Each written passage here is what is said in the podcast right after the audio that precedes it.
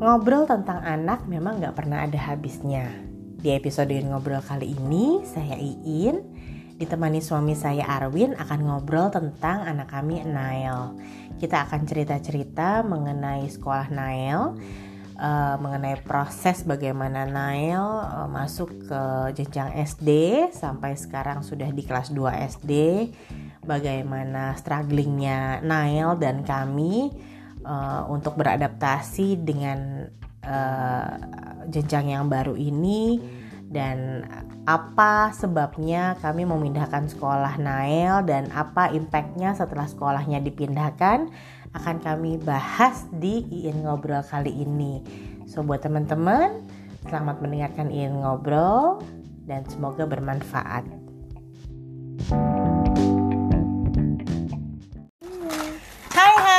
Ketemu lagi dengan Iin di Iin Ngobrol. Hari ini uh, hari spesial baru pulang dari liburan.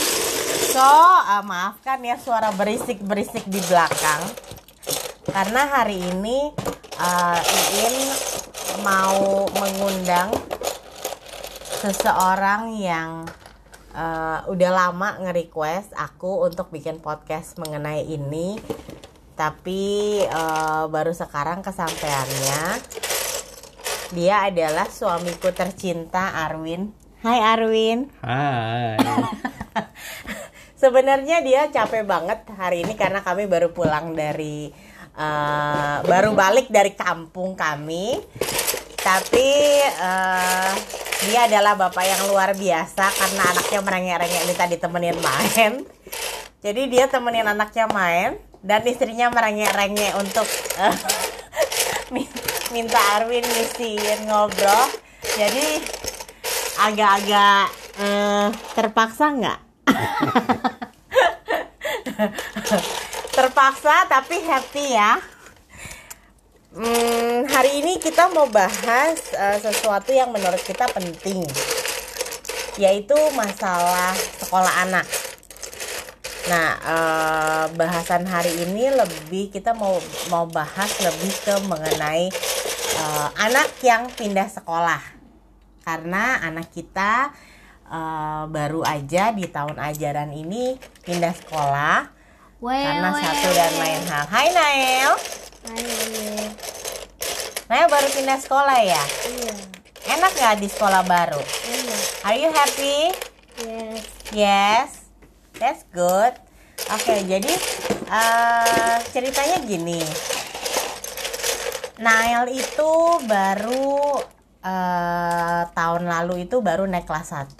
Lalu uh, kami memutuskan setelah diskusi panjang kami memutuskan untuk oke okay, kita masukin Nail ke salah satu sekolah favorit di Batam gitu dengan dengan uh, dengan apa ya dengan harapan bahwa di sekolah ini Nael lebih bisa banyak belajar uh, mengena maksudnya bertemu dengan orang dari berbagai macam latar belakang baik uh, budaya uh, ekonomi dan lain-lain gitu.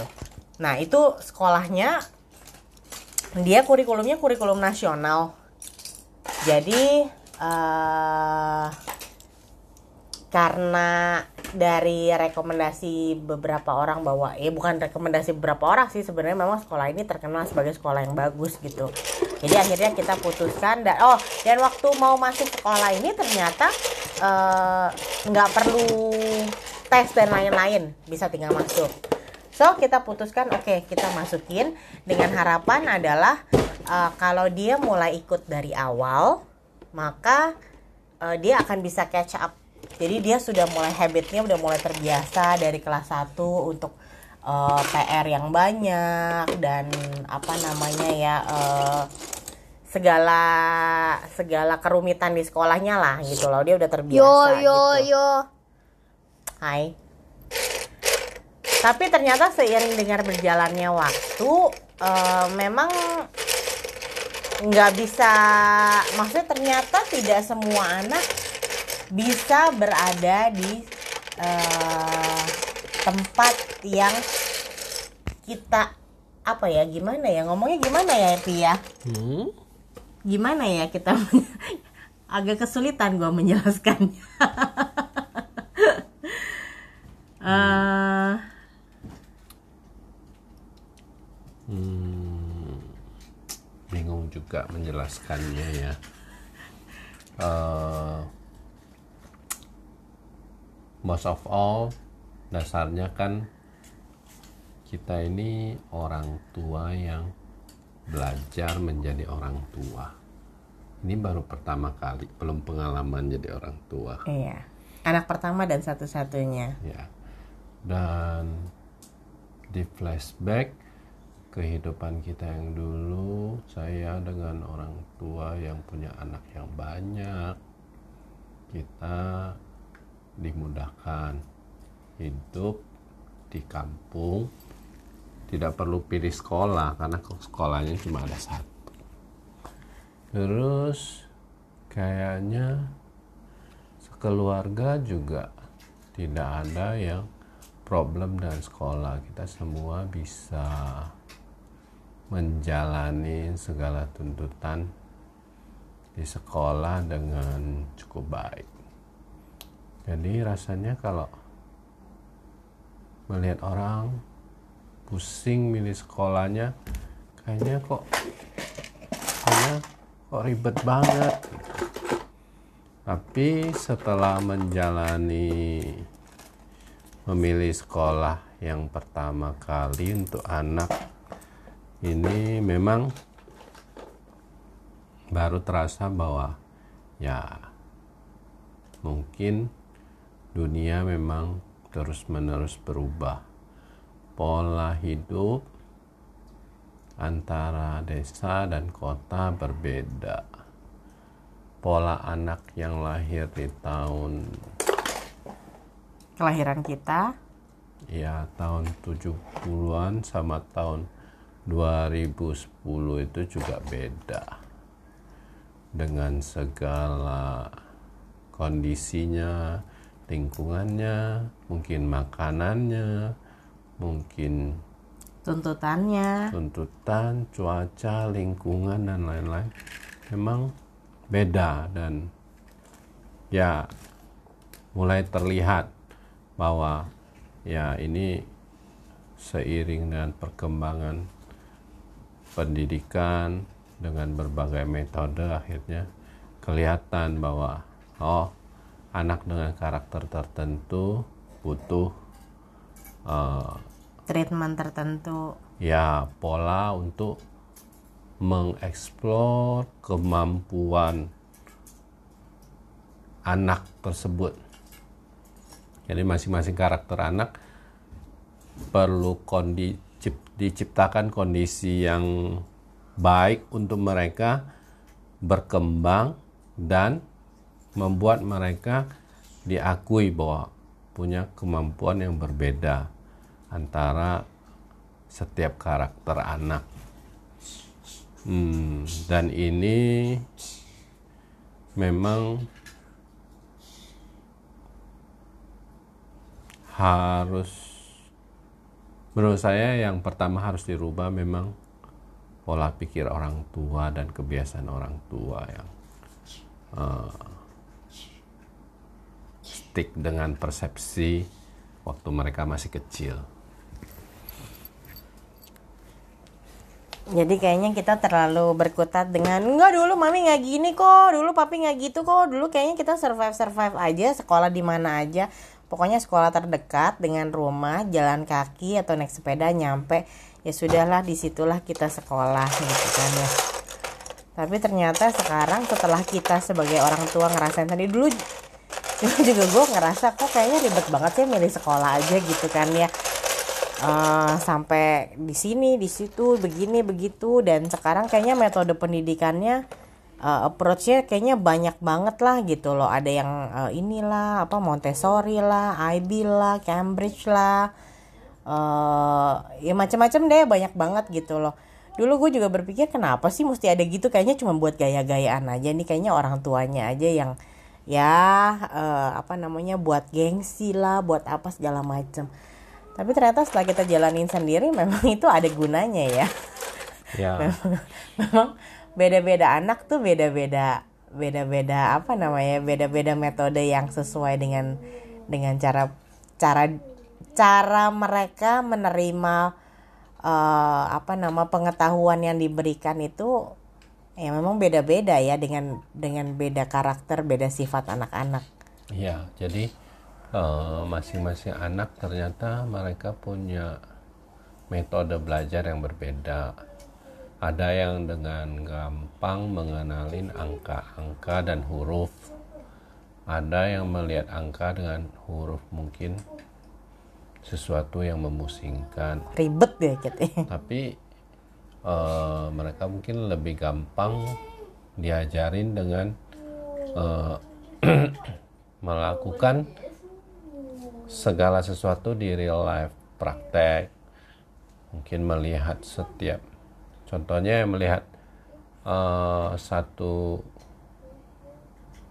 satu benda tiga dimensi dengan melihat langsung dari berbagai sudut sama diceritakan bahwa melihat benda itu dari berbagai sudut itu uh, berbeda karakternya mereka bisa menangkap dengan cara yang berbeda.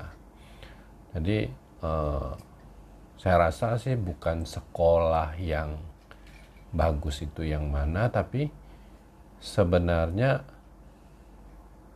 sekolah itu ada yang bisa membantu mengeluarkan kemampuan terbaik dari anak kita ada yang men-challenge kemampuan anak untuk meningkat.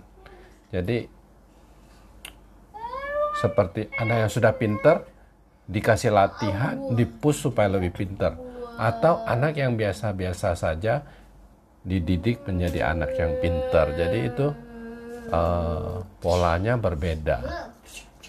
Dan kelihatannya anak-anak yang lahir tahun 2000-an ini semakin banyak yang cenderung lebih aktif, cenderung lebih imajinasinya lebih luar biasa ya, lebih imajinatif, terus lebih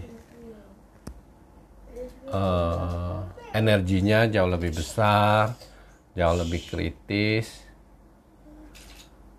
dan ya mungkin mudah-mudahan memang mereka terlahir lebih pintar ya dan untuk menyesuaikan dengan Perubahan pergerakan zaman. lingkungan yang semakin cepat juga tuntutan zaman lah untuk mereka beradaptasi. Oke. Sebenarnya sih bukan sekolah mana ya kayak tadi yang yang Ayang bilang bahwa oh bukan sekolah sini bagus atau sekolah situ jelek gitu kan. Tapi lebih ke sekolah mana sih yang cocok buat anak kita? gitu kan. Harus diakui bahwa ya memang kalau misalnya memang di satu sekolah kita cobain nggak cocok gitu kan ya ya bukan berarti uh, anak kita yang bodoh atau sekolahnya yang jelek gitu kan. Ya mungkin kebetulan aja ternyata sekolah itu nggak cocok buat anak kita gitu loh. Dan uh, ya kalau menurut pengalaman kita ya kayak kemarin gitu uh, anak kita dimasukin ke sekolah favorit gitu kan. Ternyata dia agak kesulitan dengan metode belajar yang yang uh, dimiliki oleh sekolah itu gitu loh. Sehingga akhirnya kita memutuskan untuk oke okay, kita coba yang lain lah gitu kan. Karena uh, ada kalau buat aku pribadi tuh ada kekhawatiran bahwa kalau tetap dipertahankan di sekolah yang lama uh, memang sih ada sebagian orang mungkin berpikir bahwa ya nggak apa-apa itu kan cara bertahan hidup. Nggak semua hidup bisa dimudahkan atau dilancarkan oleh orang tuanya. Ya bener sih gitu loh. Tapi uh, aku lebih ngelihatnya kalau sekarang uh, maksudnya kalau kalau kenapa kita pindahin pada akhir kita pindahin? Karena aku lebih ngelihatnya kayaknya di tempat yang lama itu membuat dia menjadi pribadi yang tidak uh, tidak tidak apa ya maksudnya tidak pribadi yang lebih emosional karena dia mungkin stres di sekolahnya gitu kan.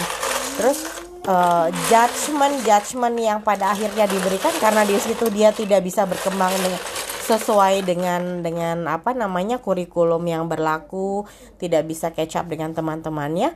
Walaupun kita yakin kita tahu dia anak yang smart anak yang pinter uh, tapi di situ dia akan uh, apa namanya ya kayak dia sendiri ngelihat bahwa dia tuh nggak pinter gitu ya. Karena dia ngerasa teman-temannya teman-temannya uh, bisa dia nggak bisa gitu kan. Bukan karena dia nggak bisa sebenarnya cuman ya karena dia punya hambatan-hambatan tertentu mungkin yang teman lain ya setiap orang kan plus minus sebenarnya gitu kan. Mungkin karena dia punya hambatan tertentu sehingga dia ngerasa bahwa oh gue nih nggak bisa gue nih bodoh gue nih nggak nggak pinter gitu loh gue tuh gini gitu gitu. Nah di situ pada akhirnya sih kami memutuskan untuk ya udah deh kayaknya memang sekolah ini nggak cocok buat dia dan gue harus nyari sekolah yang lain gitu kan. Dan waktu itu si uh, Arwin juga minta oke okay, uh, eh, kita sudah putuskan mau pindah sekolah. Kita bukan ada di ekonomi yang serba kecukupan sehingga kapan aja lu mau pindah sekolah lu tinggal pindah sekolah gitu loh. Kita juga ya demi anak sih gitu kan ya. Sehingga kita juga ya sudahlah daripada anak-anak kita uh, end up dengan apa ya dengan dengan uh, dia menstigma dirinya sendiri bahwa dirinya sendiri tidak punya kemampuan dan tidak sendiri dirinya sendiri jelek dan lain-lain. Itu itu yang buat aku paling menakutkan sih gitu loh. Sehingga udahlah kita pindah sekolah. Dan Arwin pesan gitu loh kita udah tahu anak kita karakternya kayak apa jadi aku harus keliling dari satu sekolah ke sekolah lain yang uh, kira-kira kita dengar ada sesuatu yang uh, berbeda di sekolah itu gitu loh. Maksudnya uh, kurikulumnya cara penyampaiannya dan lain-lain. Nah aku mencoba untuk cari tahu dan Arwin pesan coba cari benar-benar. Jangan cuman sekedar uh, apa namanya dengerin promosi dari karena kalau kita ngelihat ke sekolah-sekolah kan pasti kan yang punya sekolah atau ya ya whoever gitu ya yang yang welcome us. Pasti dia kan promosi habis-habisan mengenai sekolahnya. Oh iya nanti kita begini kita begitu kita begini. Tapi realitanya seperti apa kan kita nggak tahu gitu. Nah Arwin bahkan bilang sama aku waktu itu uh, tolong lu coba lu yang duduk di kelas dan lu lihat what happen in the class gitu loh. Jadi bukan anaknya tapi maminya yang duduk di kelas kalau misalnya boleh gitu kan ya. Dan kita lihat apa yang uh, terjadi di kelas itu. Apakah cara guru-gurunya mendidik anak atau menyampaikan uh, pengetahuan buat anak itu kira-kira bisa nggak sih diterima dan sesuai nggak sih sama cara belajarnya anak kita? Karena kebetulan anak kita itu uh, dia anak kinestetik banget gitu loh. Jadi kalau untuk suruh duduk diam suruh menulis banyak-banyak panjang gitu kan. Terus udah gitu suruh menghafal menghafal gitu. Itu tuh uh, dengerin guru di depan gitu itu kayaknya buat dia kesulitan gitu loh.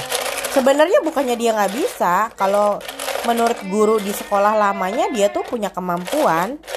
Dia hanya ya kalau menurut guru di sekolah lamanya dia hanya malas gitu kan ya kalau aku sih nggak tahu ya.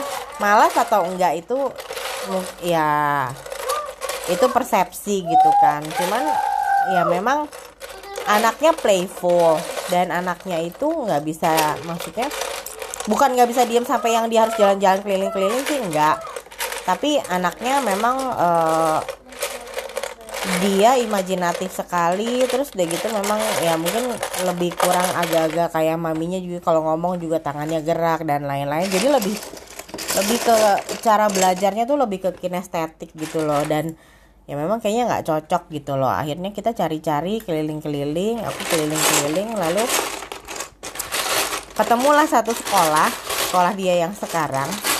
Itu uh, kebetulan pakai sistemnya ID Nah, kebetulan si IB ini aku udah pernah dengar sebelumnya dan ada ponakanku yang uh, sekolahnya juga IB. Jadi kayaknya untuk uh, metode belajar IB seperti apa tuh kayaknya udah ada bayangan dan kayaknya memang aku cenderung untuk nyari sekolah yang seperti itu buat Nail gitu kan karena dia tuh anaknya memang senang praktek senang art gitu kan. Senang uh, visualize apa yang ada di pikirannya dia gitu kan. Nah akhirnya setelah kita berembuk uh, ada beberapa opsi yang sempat kita pertimbangkan juga gitu kan. Seperti sistem ACE gitu kan. Ada beberapa lah.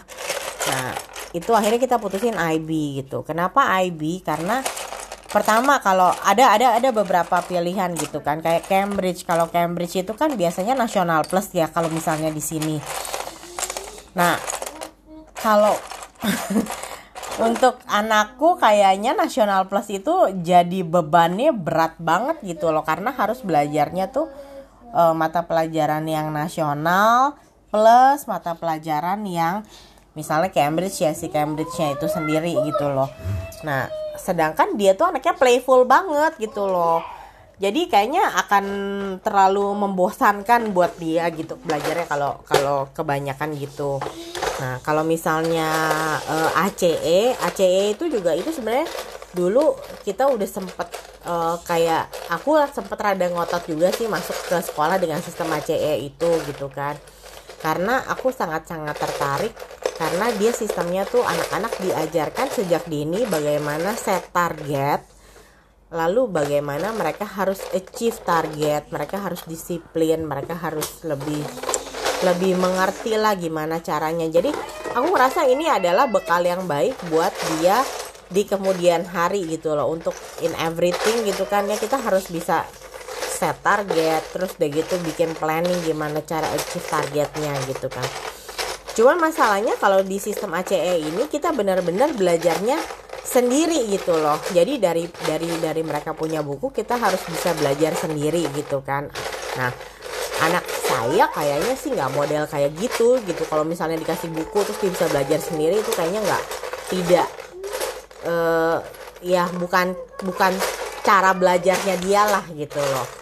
Dan untungnya aku uh, apa namanya walaupun waktu itu udah pengen banget masukin tapi untungnya waktu itu nggak terlalu ngotot karena ternyata setelah sekarang aku re flashback lagi ya memang caranya nggak cocok gitu loh buat Nail gitu kan. Akhirnya ya itu akhirnya kita cari-cari-cari sampai ketemu si IB ini gitu loh. Tadinya ada memang ada satu sekolah lah sekolah lain yang yang IB cuman memang secara biaya agak memberatkan lah. Bukan agak lah memberatkan banget lah buat kita gitu loh. Sehingga itu benar-benar last option. Option yang aduh kalau udah nggak ada yang lain lagi baru kita pilih itu gitu loh. Tapi ternyata uh, Tuhan punya rencana yang luar biasa. Akhirnya ada satu sekolah lagi sekolah dia yang sekarang itu uh, di tahun ini tahun ajaran ini adalah mereka pertama kali menerapkan sistem IB gitu kan dan uh, sistem IB-nya itu disupport dari uh, apa namanya memang sekolah yang yang yang uh, di Malaysia udah jalanin sistem IB dan mereka udah punya beberapa sekolah di tempat lain gitu kan. Jadi ya kita oke okay lah uh, kita kalau kalau misalnya kita mau yang memang udah pengalaman ya berarti ya ada harga ada barang lah gitu kan maksudnya kalau misalnya memang kita mau yang pengalaman mungkin sekolah yang lama tapi harganya kan beyond belief ya. Nah akhirnya kita putuskan oke okay, yang ini. Kenapa? Karena harga masih terjangkau menurut aku harganya masih lumayan terjangkau sama seperti ya nasional plus pada umumnya lah di Batam. Plus kalau aku percaya karena uh, dia uh, apa namanya ya bukan sendiri bukan dia bukan berjuang sendiri si sekolah sekolah anakku ya sekarang ini bukan berjuang sendiri tapi dia memang punya backup manajemen dari uh, sekolah ID yang lain gitu loh. Jadi udah akhirnya kita putuskan untuk dia masuk ke sekolah IB ini gitu loh Nah, itu uh, naik kelas 2. Naik kelas 2 dia sudah masuk di sekolah IB yang sekarang gitu dan ya menurut kita hasilnya sih luar biasa ya yang ya. Ya, tapi sebelum ke situ mungkin kita bisa mereview.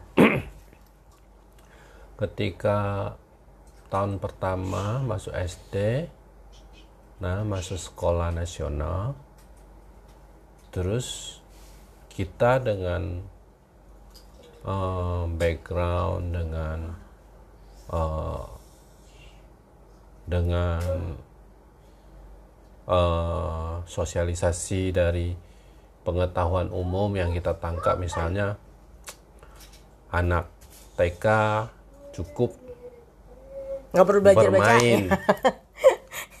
Itu Nanti fair banget loh. ketika SD baru belajar baca belajar nulis belajar tambah gitu. Dan kita coba menjalankan itu. Kita terlalu naif lah ya, ya dan kita terlalu naif. Kita saya melihat saya sendiri melihat oh eh, itu memang secara umum adalah kondisi yang benar bahwa anak ya kecil itu perlu waktu untuk bermain sehingga ya kita support anak untuk bermain uh, idealnya sih begitu ya. Tidak perlu belajar membaca dan menulis. Walaupun uh, kita mengikut sertakan dia untuk uh, ada ekskul baca tulis ya. hitung ya. Nah ketika masuk di sekolah nasional bulan pertama itu kita kelabakan. Uh, di sekolah dia harus mencatat satu halaman yang dia sendiri belum pernah lakukan orang belum bisa membaca dan menulis. Nah, itu PR banget buat kita. Sehingga tiga bulan pertama itu uh, bukan cuma anaknya yang stres tapi bapak ibunya juga ikut stres. Like the kita, whole family. ya kita kelabakan untuk mengejar itu. Dan kita ikutkan dia di semua uh, ada kurs baca tulis dan kita tidak belum waktu itu kita belum membaca itu bahwa waktu kita masukin uh, ke tempat les baca tulis pertama itu dia yang sebelumnya playful uh, tapi tidak uh, agresif bisa menjadi hmm. ya menjadi anak yang agresif. Kita pikir oh mungkin kondisinya atau hari itu moodnya berbeda. Kemudian uh, setelah dia jalan uh, tiga bulan sekolah itu dia dari anak yang uh, cheerful menjadi anak yang uh, lebih emosionalnya ya, stabil. lebih gampang marah. Terus kita menyampaikan masukan-masukan uh, juga tidak bisa di tidak dicerna. bisa dicerna sama sekali tidak bisa diterima. Yang ada adalah uh, seperti pembangkangan. Kita menangkapnya seperti pembangkangan. Nah, e, mungkin ya itu kelemahan kita ya supaya orang tua melihat itu dari sisi yang lebih e,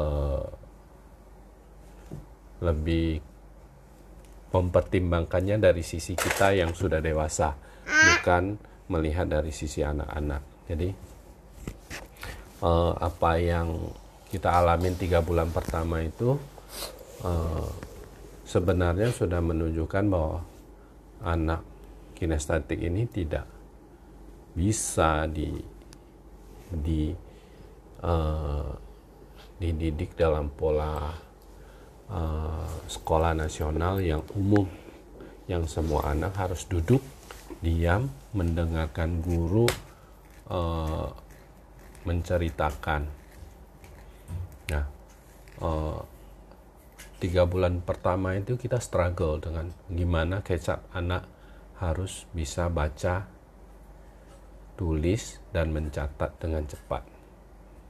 Kemudian sementara di sekolahnya semuanya serba ya, dicatat, ditulis di papan serba tulis, manual. Dan, Jadi, ya dicatat, dia harus nyatet. Tidak baik. dibantu dengan uh, mungkin fotokopi, ya. atau lain-lain. Soal ya dicatat jawabannya ya dicatat di situ dituliskan. Dari mulai PS PR ulangan catatan ya. semuanya mesti uh, benar-benar dicatat tangan gitu. Nah, sementara itu adalah kelemahannya ya. dia nah, gitu. Kemudian uh, tiga bulan pertama kita juga menerima uh, informasi dari guru di sekolah bahwa anak ini selalu bermain mengajak uh, temennya ngobrol eh, Ngesengin teman. ngisengin teman. Kadang kalau lagi lagi menjemput dia di sekolah kadang ada kakak yang dari teman sekolahnya yang bilang oh ini dia suka gangguin adiknya dan lain. Dan itu sedih. Kita mendengarnya kayaknya kok anak saya di rumah itu nggak seperti itu. Tidak eh, se Dia iseng tapi nggak terlalu se nggak dalam tanda kutip nakal lah ya kita iya bilangnya. tidak ya. se negatif itu gitu kok di sekolah dinilainya seperti itu kemudian di bulan-bulan selanjutnya itu yang kemudian saya ini adalah eh, gurunya merasa dia terlalu banyak beraktivitas di proses eh, belajar mengajar sehingga akhirnya di treat duduknya dipindahin di depan Jadi mejanya meja paling guru. depan sendiri Iya. maju persis di bawahnya meja di guru. depan meja guru kemudian eh, Buat dia yang anaknya gengsian itu adalah Ya. sesuatu yang yang melukai eh, egonya dia dengan amat sangat sehingga dia tuh eh, jadi anak yang seperti nggak mau yang dengar. Jadi kayak apa ya? Dia kayak dia seperti kesel. tidak pernah seperti tidak di appreciate jadi uh, tidak apa pribadinya tidak dihargai.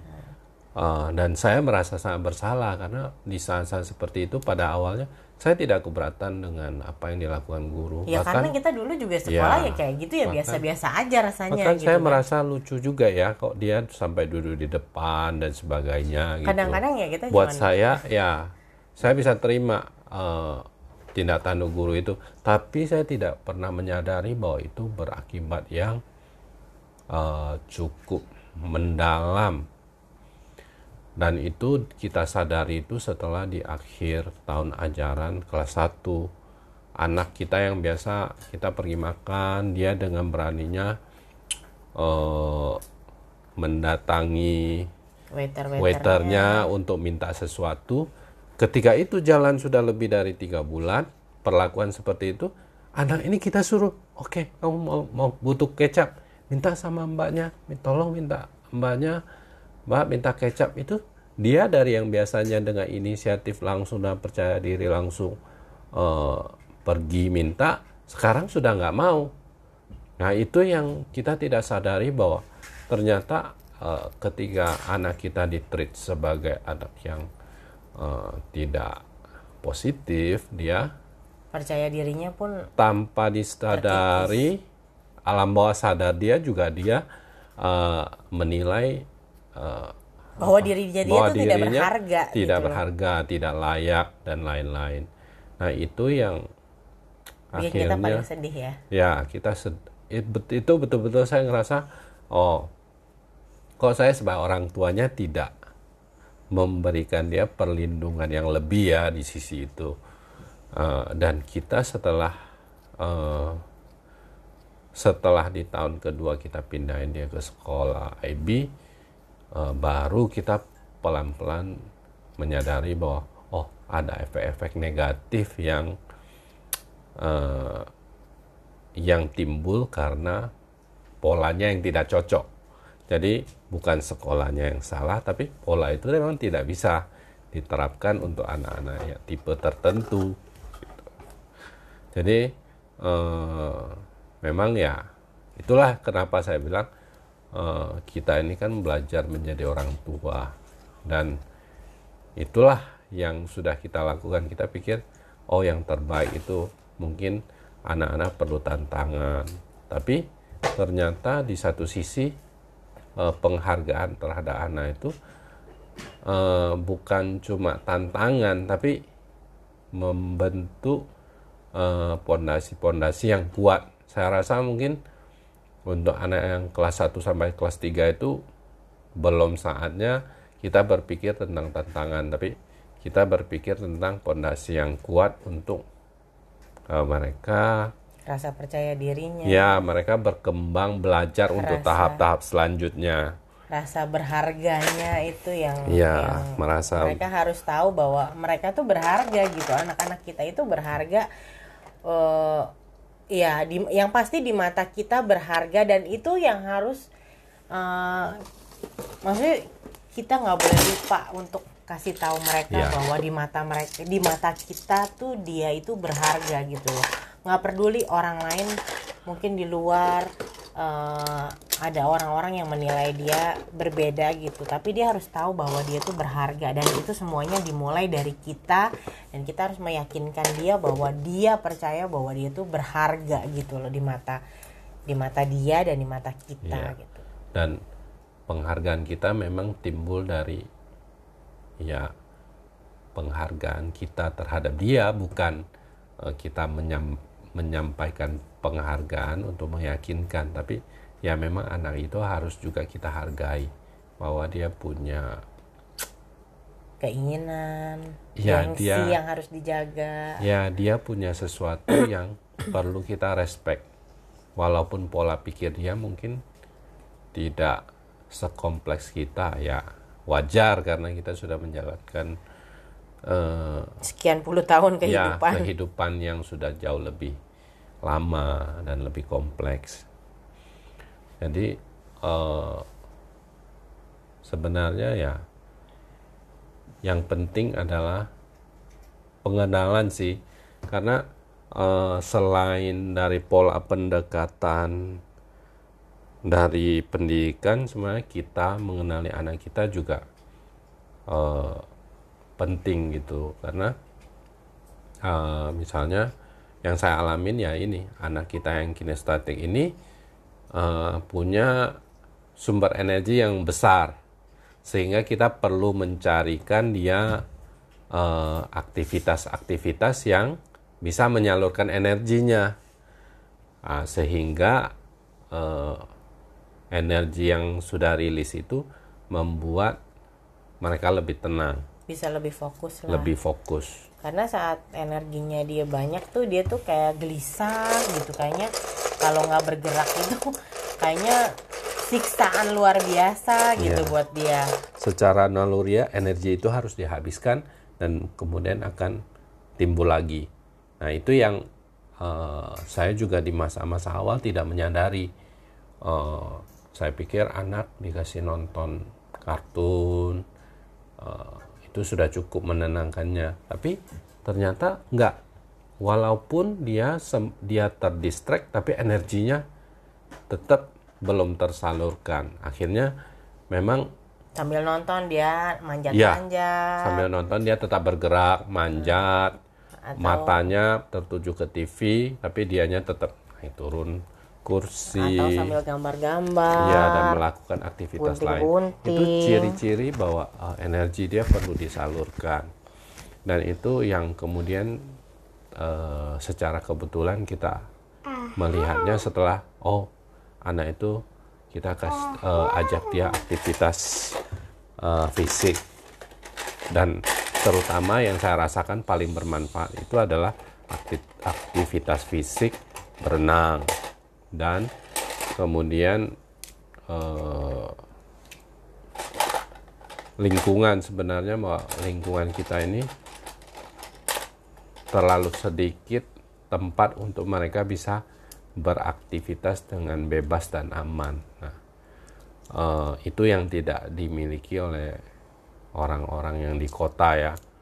Anaknya mau dikasih bermain bebas di di neighborhood aja sudah dipenuhi rasa khawatir bahwa mungkin diculik, mungkin di tabrak mobil lah ya dan lain-lain. Itu yang memang ya kekurangan lah di lingkungan kita Nah, ya. plus juga sekarang eh, terus kalau kayak di kota gitu juga kita apa ya kayaknya rasa sungkan sama orang lain tuh jauh lebih tinggi gitu ya. Kadang-kadang aduh nggak enak nih nanti main ke rumah dia terus nanti berantakan lah di rumah dia lah terus orang tuanya keberatan atau enggak.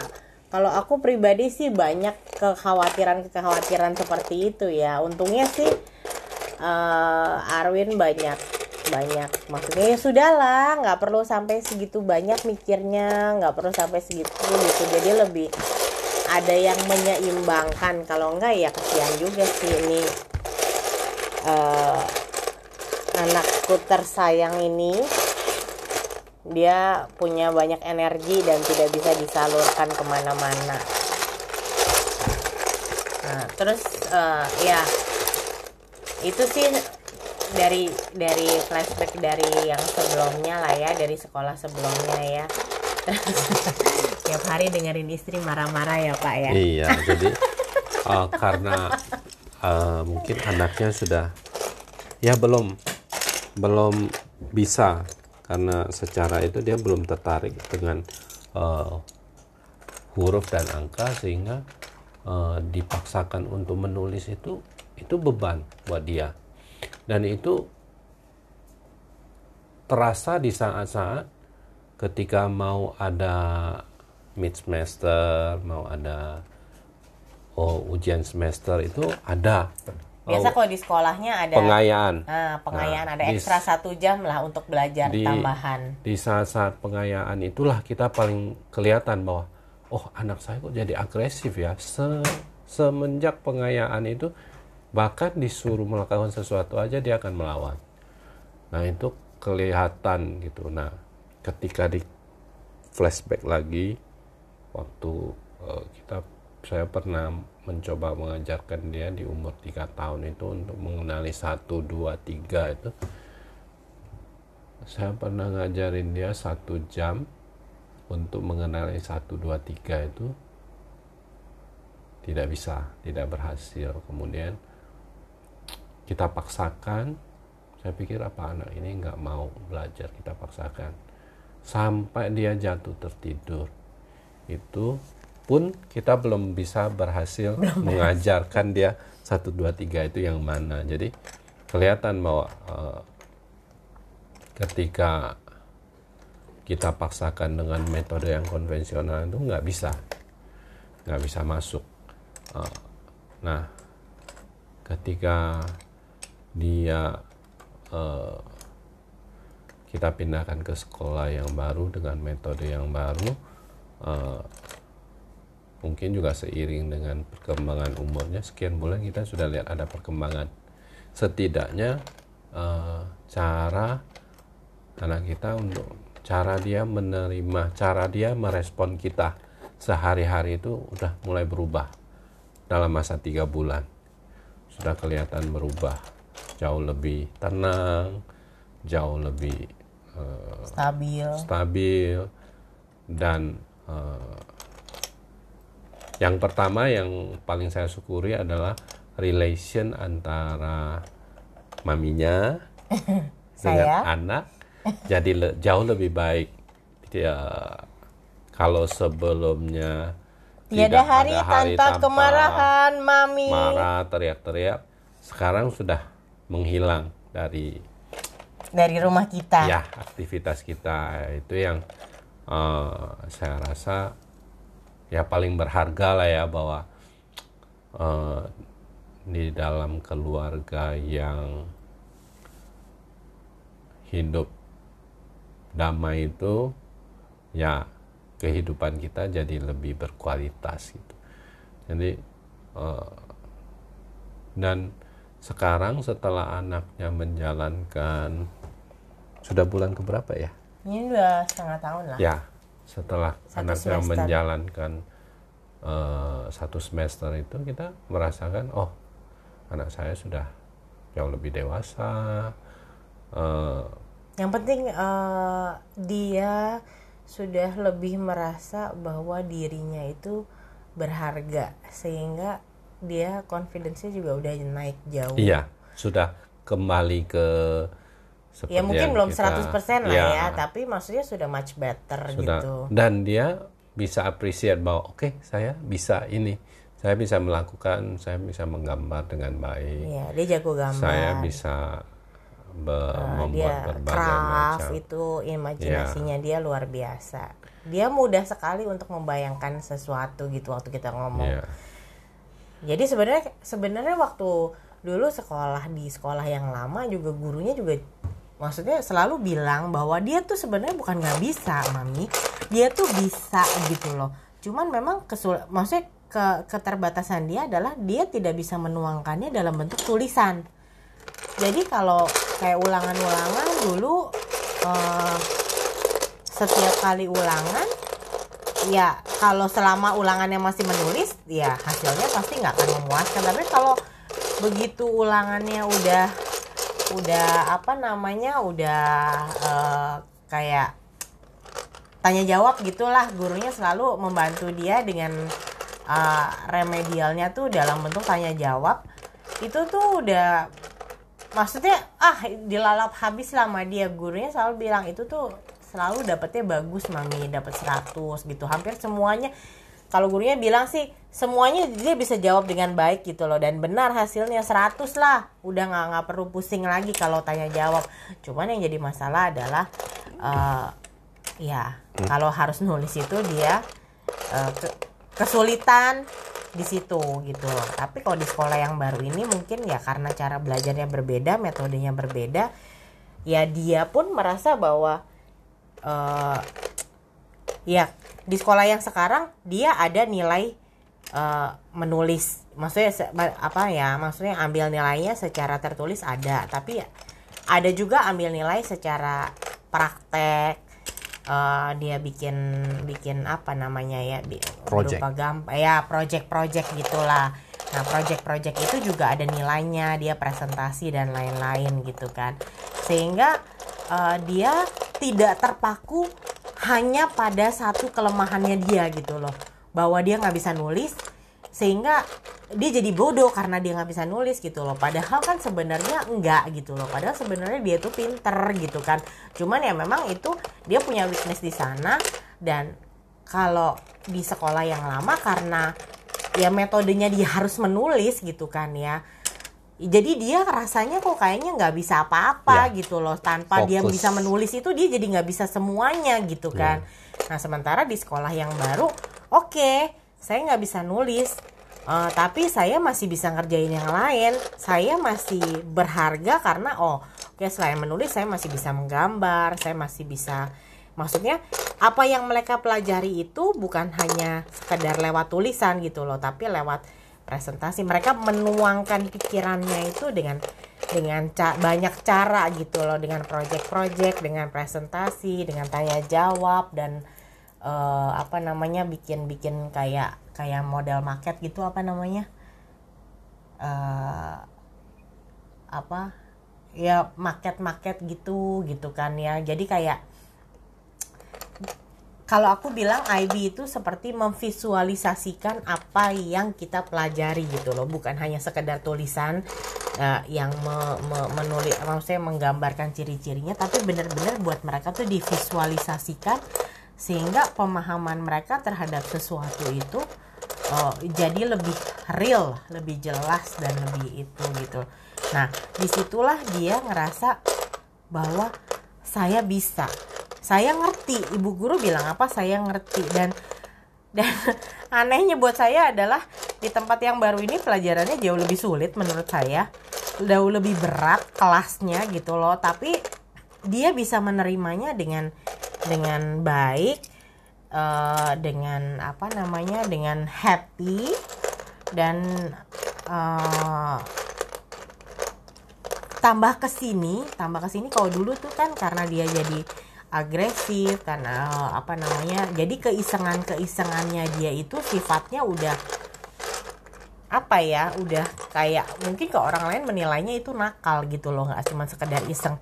Tapi eh, udah ini udah ham- udah satu jalan satu semester itu tuh udah berkurangnya jauh banget ya. Ya. kita belakangan udah hampir nggak pernah denger lah ada report-report yang kayak gitu gitu. Ya, jadi kelihatannya memang eh, karena energinya tersalurkan, karena tekanan yang mungkin mem- me- membuat dia merasa depresi ya.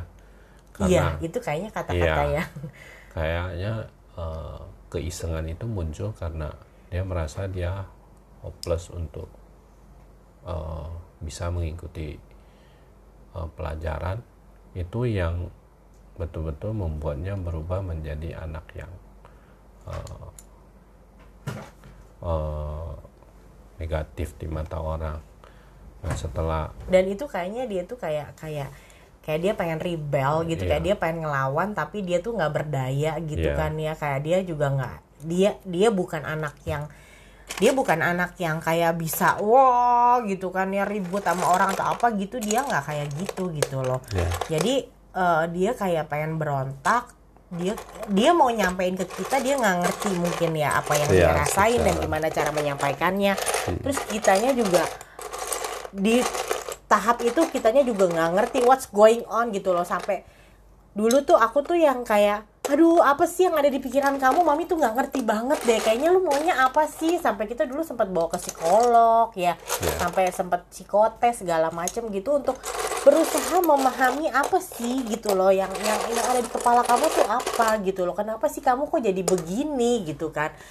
Kitanya juga kayaknya dulu tuh sempat frustasi gitu. Terus kayaknya mami mami mesti gimana sih supaya make you better gitu kan ya.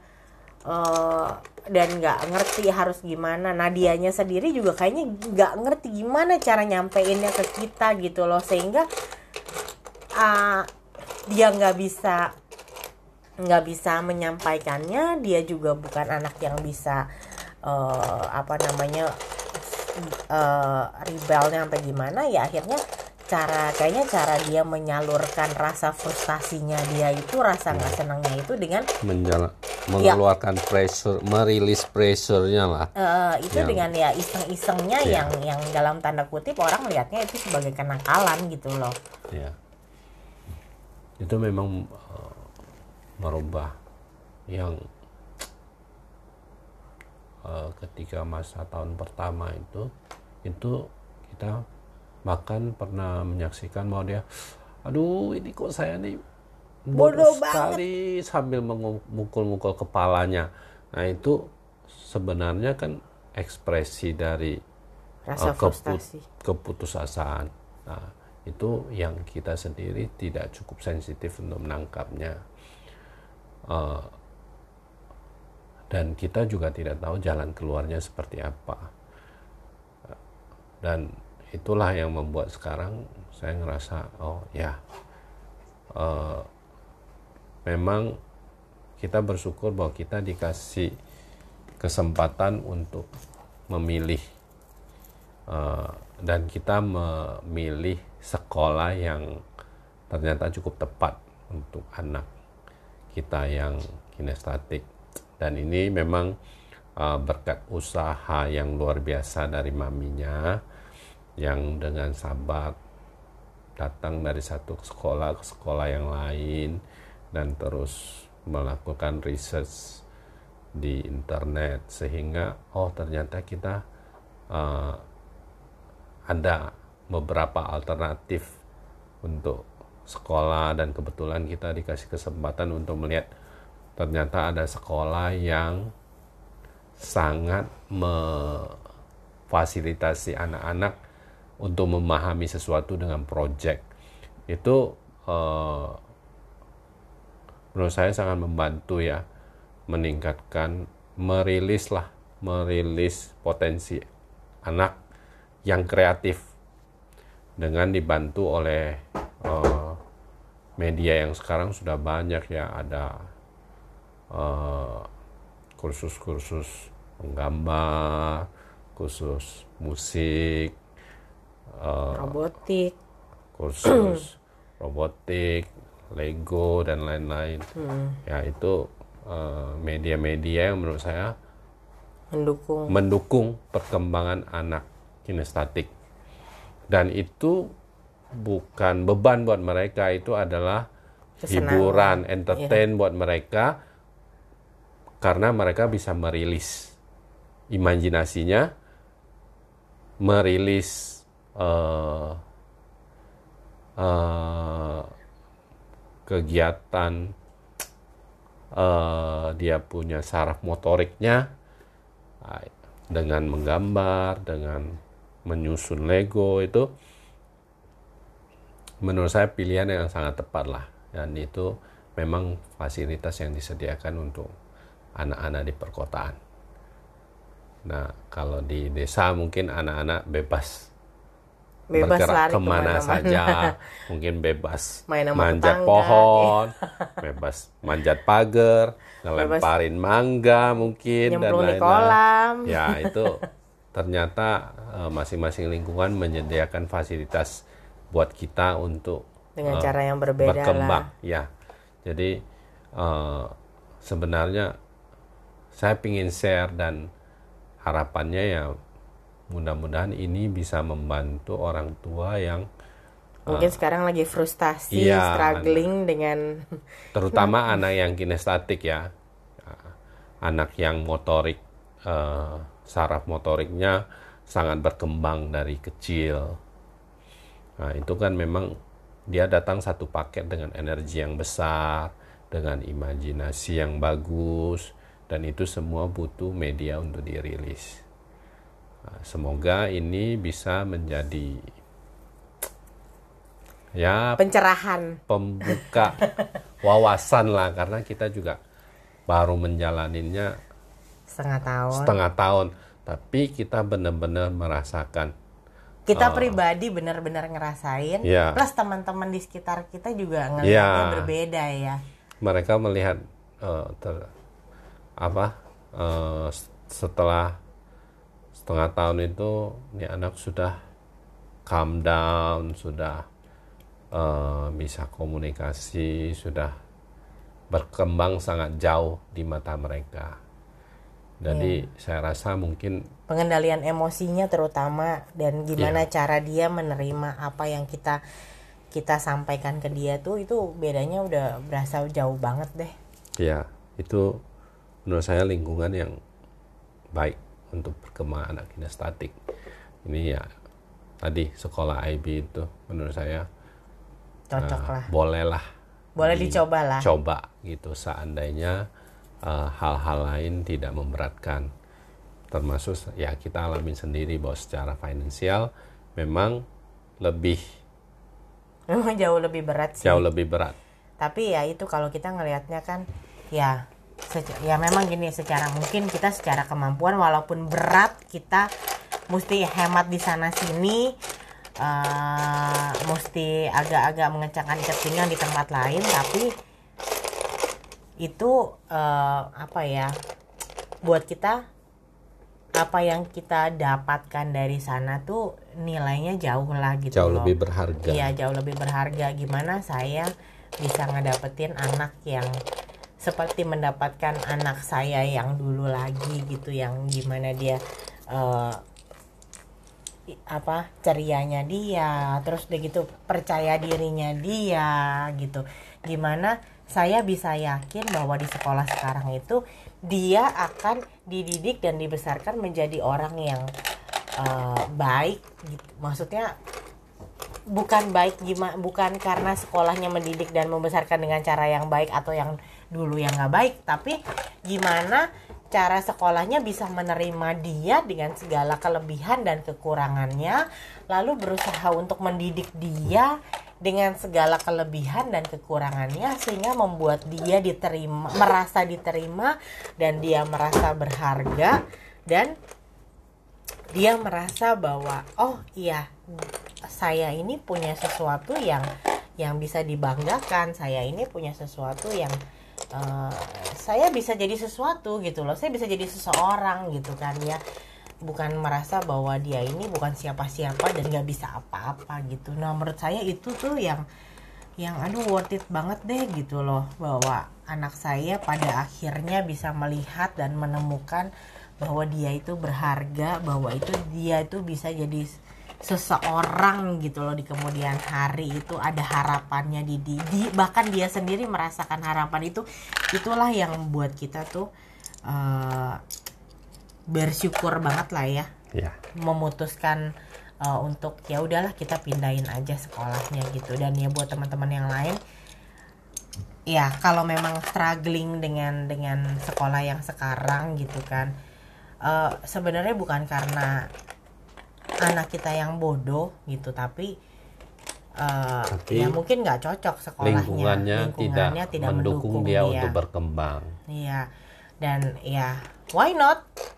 cobalah untuk lihat di luar sana mungkin banyak kok sekolah-sekolah sekarang yang mengakomodir eh, metode-metode yang mengakomodir apa yang eh, maksudnya menerima kelemahan anak kita dan bisa mengembrace gitu loh me- men- apa me- me- me- meng- apa ya mensyukuri kelebihannya dan bisa mengembangkan dia sesuai dengan kelebihannya dia. memfokuskan perkembangannya pada hal yang positif Ya pokoknya jangan takut lah pindah sekolah itu bukan sesuatu yang menakutkan.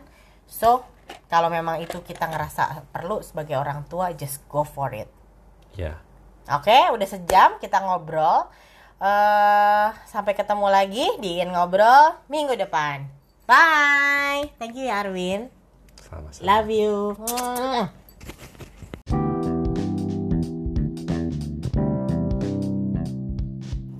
Sebuah arloji tua merasa ajalnya sudah dekat. Seorang ayah berkata kepada anaknya, "Nak, arloji milikku ini adalah warisan dari kakek buyutmu. Usianya sudah lebih dari 200 tahun.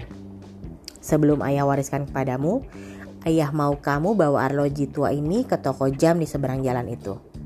Lalu katakan kepada pemilik toko bahwa kamu mau menjualnya dan tanyakan berapa harganya." Sang anak pun pergi dan tak lama kembali dan berkata, Pemilik toko jam itu bilang bahwa harganya cuma 5 dolar ayah. Karena ini adalah arloji tua. Kemudian si ayah berkata, Sekarang coba kamu bawa arloji ini ke toko barang antik dan tanyakan harganya. Si anak lalu pergi dan kembali lagi sambil berkata kepada ayahnya, Ayah, pemilik toko bilang harga arloji ini mencapai 5000 dolar. Sang ayah berkata, sekarang coba kamu bawa ke museum dan katakan kepada mereka bahwa kamu mau menjual arloji tua ini. Si anak pun pergi lalu kembali dan berkata, Ayah, mereka mendatangkan pakar arloji untuk memperkirakan harganya. Lalu mereka menawarkan kepadaku satu juta dolar untuk arloji ini. Si ayah berkata, Nak, aku sedang mengajarkanmu bahwa kamu hanya akan dihargai dengan benar ketika kamu berada di lingkungan yang tepat. Tidak ada anak yang bodoh dan tidak ada anak yang nakal. Yang ada hanya anak-anak yang berada di lingkungan yang kurang tepat, lingkungan yang tidak mendukung dia untuk berkembang sesuai dengan kelebihan dan kekurangan yang dimilikinya. Tugas kitalah sebagai orang tua untuk menyediakan lingkungan yang tepat itu untuk anak-anak kita, agar mereka bisa tumbuh dan berkembang dan menjadi versi terbaik dari diri mereka sendiri. Terima kasih sudah bersama Iin selama satu jam ini di Iin Ngobrol. Sampai jumpa di Iin Ngobrol selanjutnya minggu depan.